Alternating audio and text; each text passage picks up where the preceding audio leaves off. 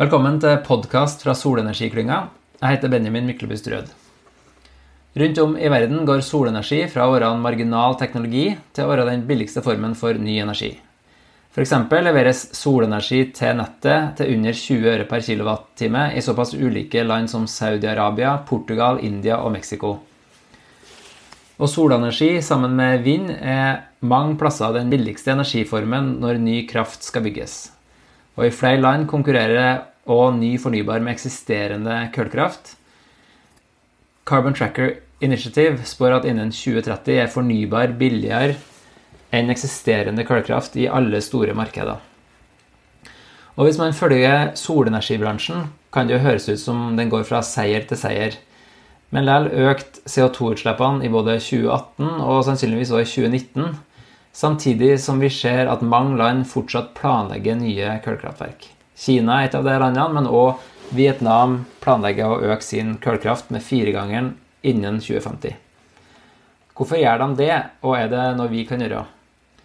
I dag har jeg med meg Per Christian Spertoli, som er fagansvarlig for finans i klimastiftelsen Zero. Velkommen, Per Christian. Tusen takk. Eh, fram til for drøyt eh, tre år siden så jobba jo vi sammen i Zero, men eh, du har jo fra tidligere erfaring fra KrFs partiapparat knytta til utviklingspolitikk, og du har leda Plan Norges politiske påvirkningsarbeid. Og nå er du vel allerede inne i ditt femte år i Zero, der du har vært med på å utvikle klimaløsninger knytta til finans, og hvordan Norge kan ha en internasjonal rolle i klimaarbeidet. Hvordan er det dere jobber med finans i det grønne skiftet, sånn litt overordna?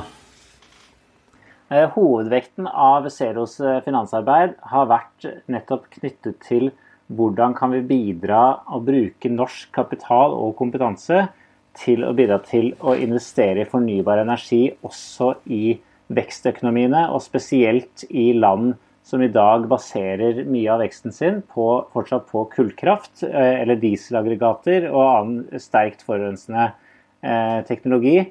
Eh, og hvordan kan vi eh, i skjæringspunktet, som vi pleier å si at vi jobber eh, mellom næringsliv og politikk, bidra til nye løsninger som gjør at vi kan kutte store utslipp i disse landene. Og da er jo det såkalte oljefondet en av brikkene i dette her. Er det, er det sånn at Zero ønsker at vi skal bruke Statens pensjonsfond utland til å investere i fornybar energi i utviklingsland? Ja, Det har vært et av de feltene som vi har jobbet eh, mye med, og som vi fikk et stort gjennomslag for på, i, i fjor. Eh, da regjeringen endelig åpnet opp for at oljefondet skal få investere i såkalt unotert fornybar infrastruktur. Og det vil Si i praksis at oljefondet kan kjøpe aksjer direkte i nye fornybare kraftverk som ikke er på børs. Eh, og det er viktig, fordi det er den primære måten man finansierer denne typen eh, kraftverk på. Eh, og når en stor aktør som oljefondet går inn og er med på denne typen investeringer, så bidrar det til at man generelt får tilgang på mer kapital, og at prisen på kapital kan gå ned på fornybar energi. Eh, så vi fikk et stort gjennomslag i fjor. Eh, eh, I utgangspunktet så tenker nå oljefondet og Norges Bank seg å begynne med å investere i fornybar energi i såkalt etablerte markeder, altså i Vesten. Vi håper at de raskest mulig også kommer være med på å bidra til investeringer også i vekstøkonomiene, fordi det er der det er størst behov for den kapitalen. Ja, så Det betyr at med den endringa hva man tenker at oljefondet kan brukes til, så, så, kan det, hvis man går inn i det vekstmarkedet Pengene brukes til å investere i sånne typer prosjekter som Scatec Solar eh, driver på med i, Afrika, der man bygger enormt store solkraftverk som da ikke er på børs, typisk. Eh, stemmer det? Ja, det stemmer. Og selv om det, er nok et godt stykke vei til oljefondet vil ta eh, risikoen ved å gå inn i de krev, mest krevende markedene, så er det store muligheter også i de noe mindre krevende markeder, som India eller Vietnam.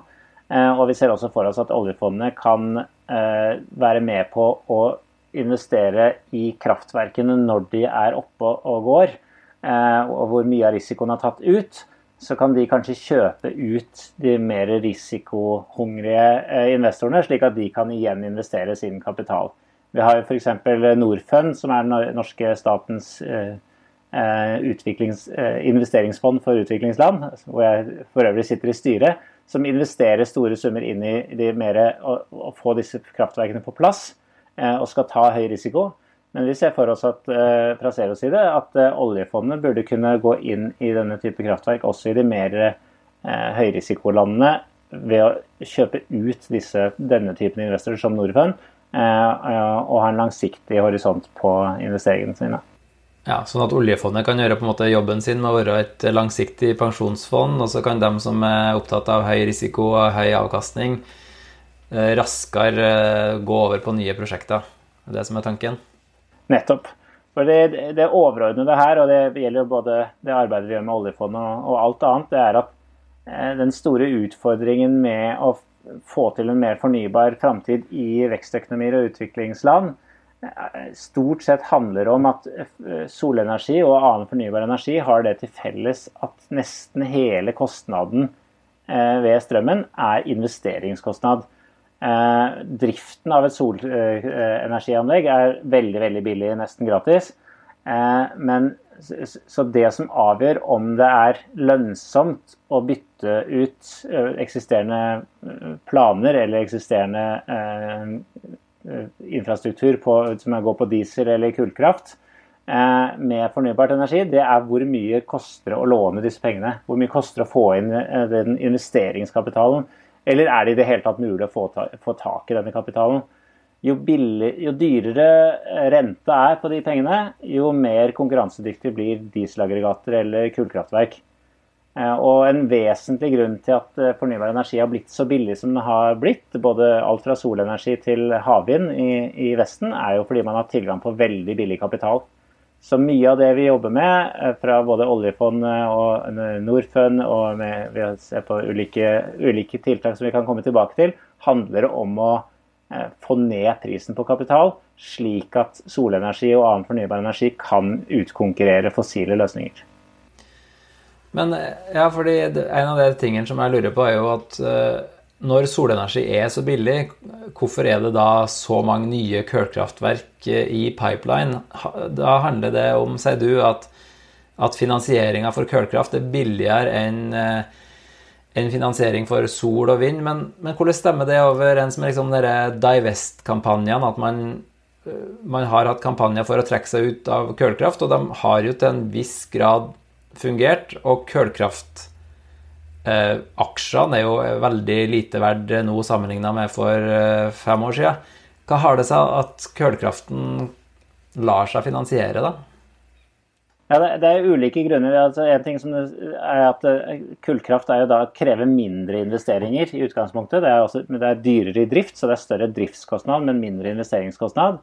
Sånn at Hvis du har lite tilgang på investeringskapital, så kan det være rasjonelt eh, hvis man ikke tar inn klimatankegangen, så kan det være rasjonelt å velge kullkraft hvis du, hvis du må låne veldig, til veldig høy pris.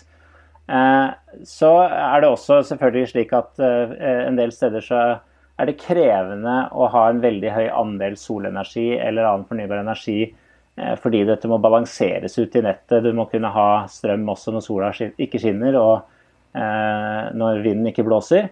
Eh, og Da kreves det også mer investeringer i infrastruktur, lagring, eh, overføringskabler. Så Det er også et, et poeng. Men tilbake til det med kull. så, så ja, Divestment-kampanjene har begynt å fungere. Eh, og I fjor så, så vi flere nyhetssaker som, hvor det viste seg at energi prosjekter i eh, Asia som, hvor, hvor, kullutviklere sier at de får ikke tilgang på kapital. At det begynner å bli krevende å få tilgang på kapital. Men det er fortsatt ikke der at det, at, det, ikke er mulig. Vi ser både kinesiske, koreanske og japanske banker er med på å uh, investere i kullkraft. Uh, så det, er viktig å fortsette den presset på de som er med på å, å, gi kapital til disse prosjektene, og de som er med på å investere i, i kullprosjektene. Det, det, er, det, er, viktig. Men det vi har pleid å si nå, at liksom, mens grønn finans 1.0, det var å trekke seg ut av verstingene. Og det har norske kapitalforvaltere og, og banker begynt å gjøre. Så er grønn finans 2.0 det er å være med på å finansiere løsningene. Eh, og Der etterlyser vi, og vi har vært eh, pådriver på, overfor norske banker på at de i større grad bør ta ansvar og være med på å investere i solenergi og vindenergi. Eh, og ikke minst da være med på å investere i de markedene hvor det er mangel på kapital i dag. Mm.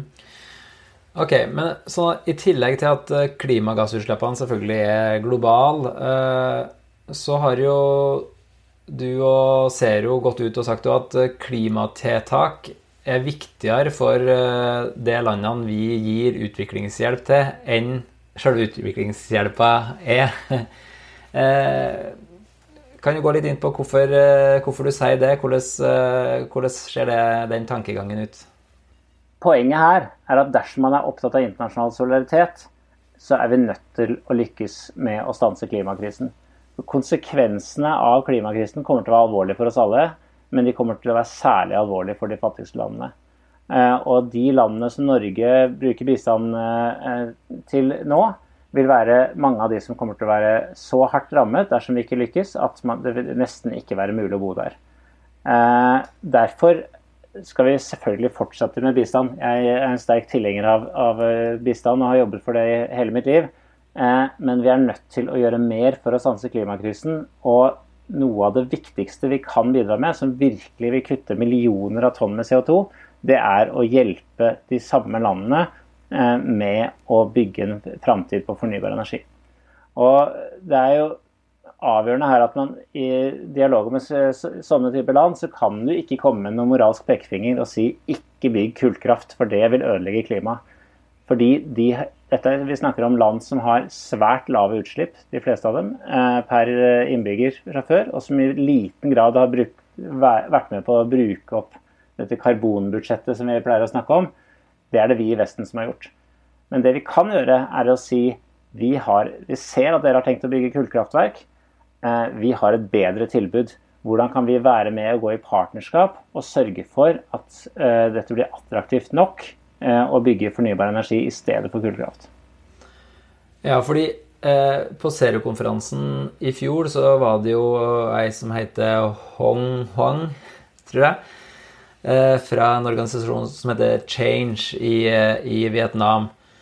Eh, der tittelen på sekvensen vel het 'Tunga på vektskåla'. At eh, det er kanskje ikke så stor forskjell på, på den investeringsbeslutninga som ligger bak et kullkraftverk, og, og, og investeringer i fornybar energi som sol og vind, eh, og at Norge kan være tunga på vektskåla. Eh, er det da sånn at Norge kan både eh, være utløsende for eh, fornybare investeringer og samtidig tjene penger på det, eller hvordan ligger det Hvordan er logikken der? Hvordan kan vi være tungen på vektskåla?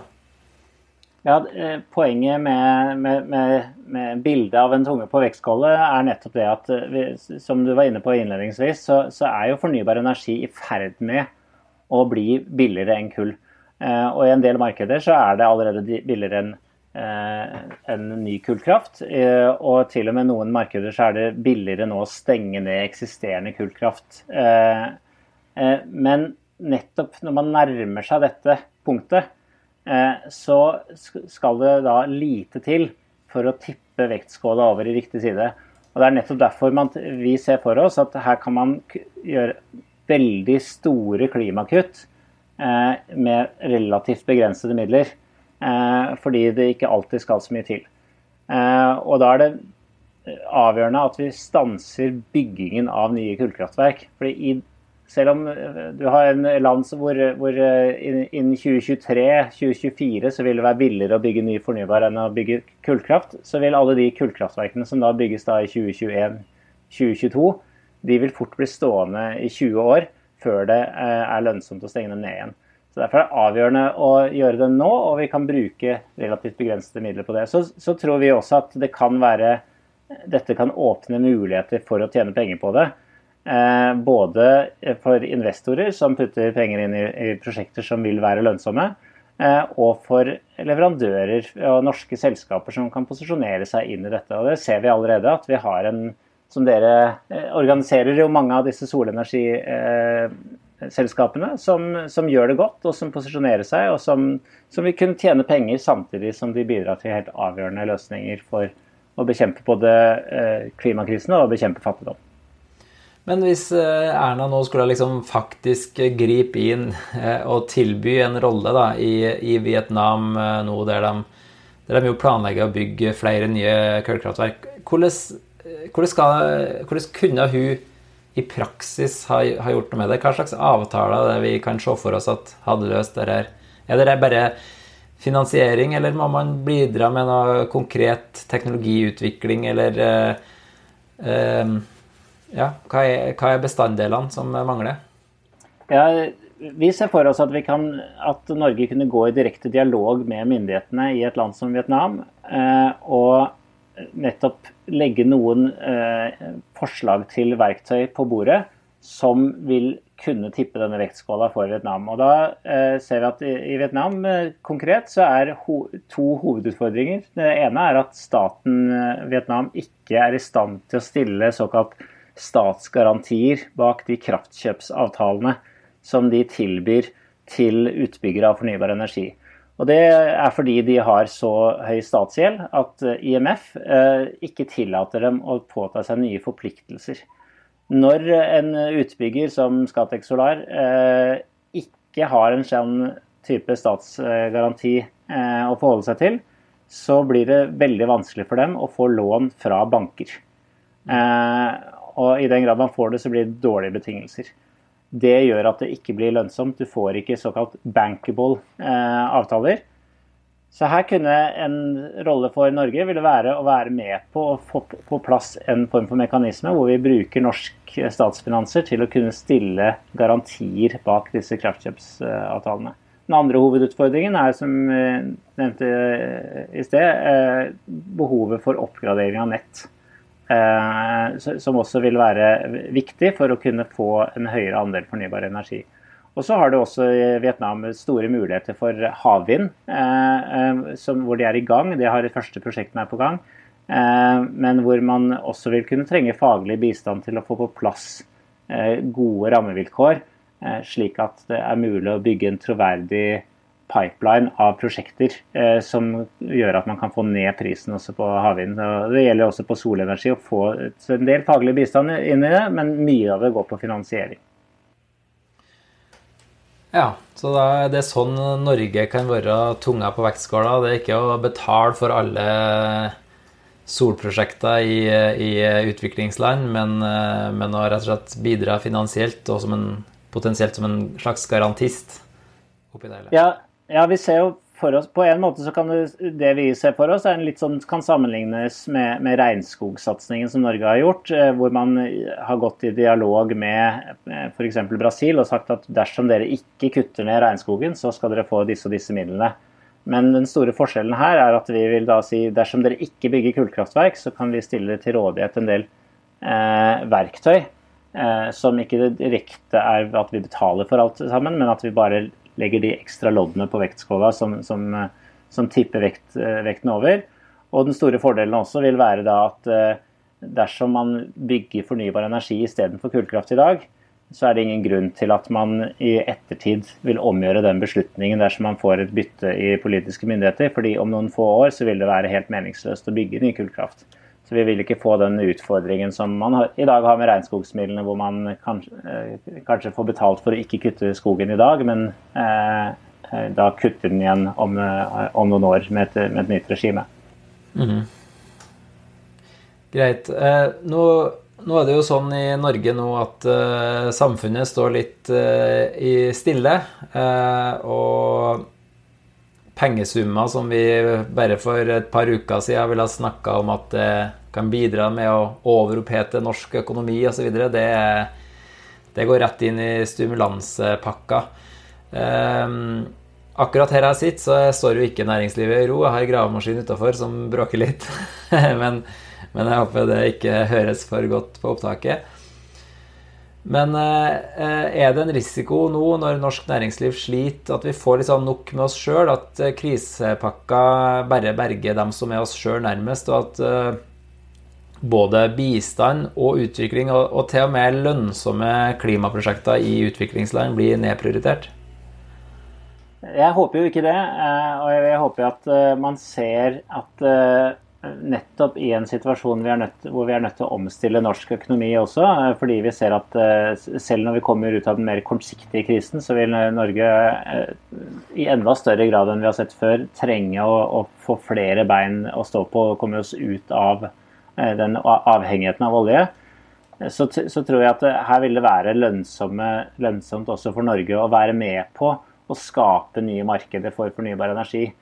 Eh, og det er klart at den, den, kortsiktige krisen nå vil fort kunne gå over i en langsiktig krise dersom vi ikke klarer, å stanse eh, klimakrisen. Eh, jeg så nylig en oversikt som, mente, som pekte på at eh, utenlandske investorer allerede har trukket 83 milliarder dollar ut av vekstøkonomier siden krisen startet. Eh, det er den største uttrekket av kapital som noensinne har blitt registrert ut av utviklingsland og vekstøkonomier. Eh, og det er jo helt avgjørende da at eh, vi stanser den trenden, og at aktører som Norge og, norske investorer er med på å, igjen være med på de helt nødvendige investeringene som trengs å tas i utviklingsland og vekstøkonomier for å bekjempe både klimakrisen og fattigdom i disse landene.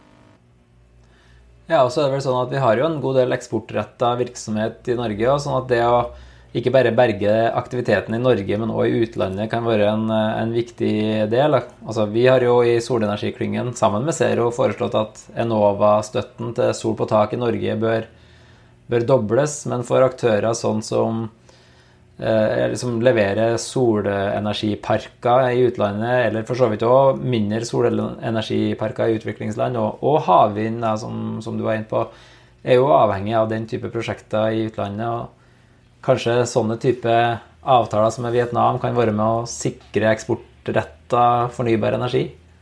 Ja, jeg, jeg, tror jo nettopp det. Og at her er det mange muligheter for eh, mer eksportrettet eh, virksomhet. Jeg vil også eh, trekke fram det andre store gjennomslaget som vi fikk, som vi hadde jobbet lenge for eh, fra Zeros side i, i, fjor, det er en ny satsing på såkalt garantier, eh, som eh, er en forsikringsordning egentlig som utbyggere av fornybar energi eh, kan eh, bruke for å få ned prisen på kapital, eh, og dermed utløse flere prosjekter.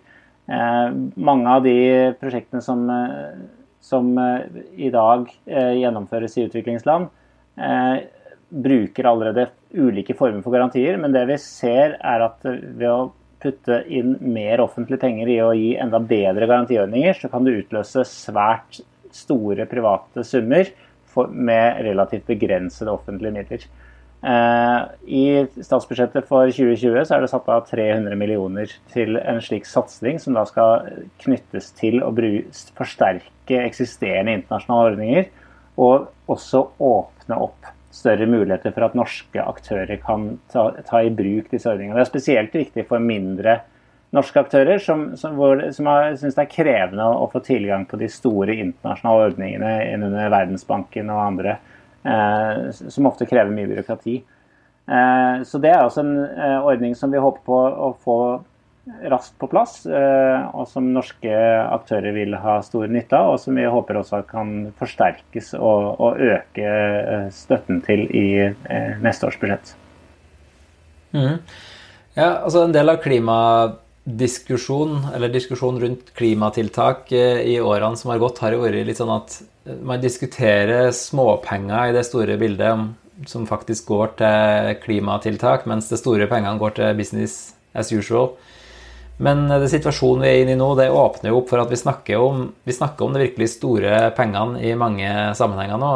Og det er jo et mulighetsrom for at vi både nasjonalt og, og for så vidt i, den, eh, i Vesten, eller den delen av verden som har stått for de store utslippene, kan gjøre store grep, men at vi òg kanskje klarer å vri eh, investeringer i, i andre deler av verden i en riktig retning da, i, i, i, årene som kommer. Har du tro på at vi kan få til det?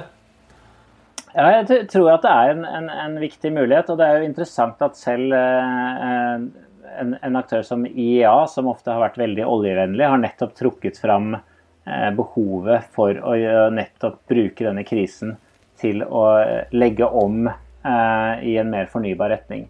Eh, når det gjelder utviklingsland, så er det jo mange av disse landene som i dag bruker store pengesummer på eh, å subsidiere fossil energi.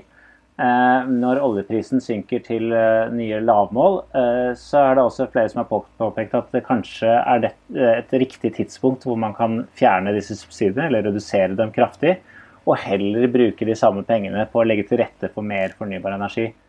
Eh, så, så, i flere deler av verden så diskuteres dette, og, og det er jo lov å håpe og, og, og tro på at vi kan, kan, bruke krisen også til noe positivt. Mm.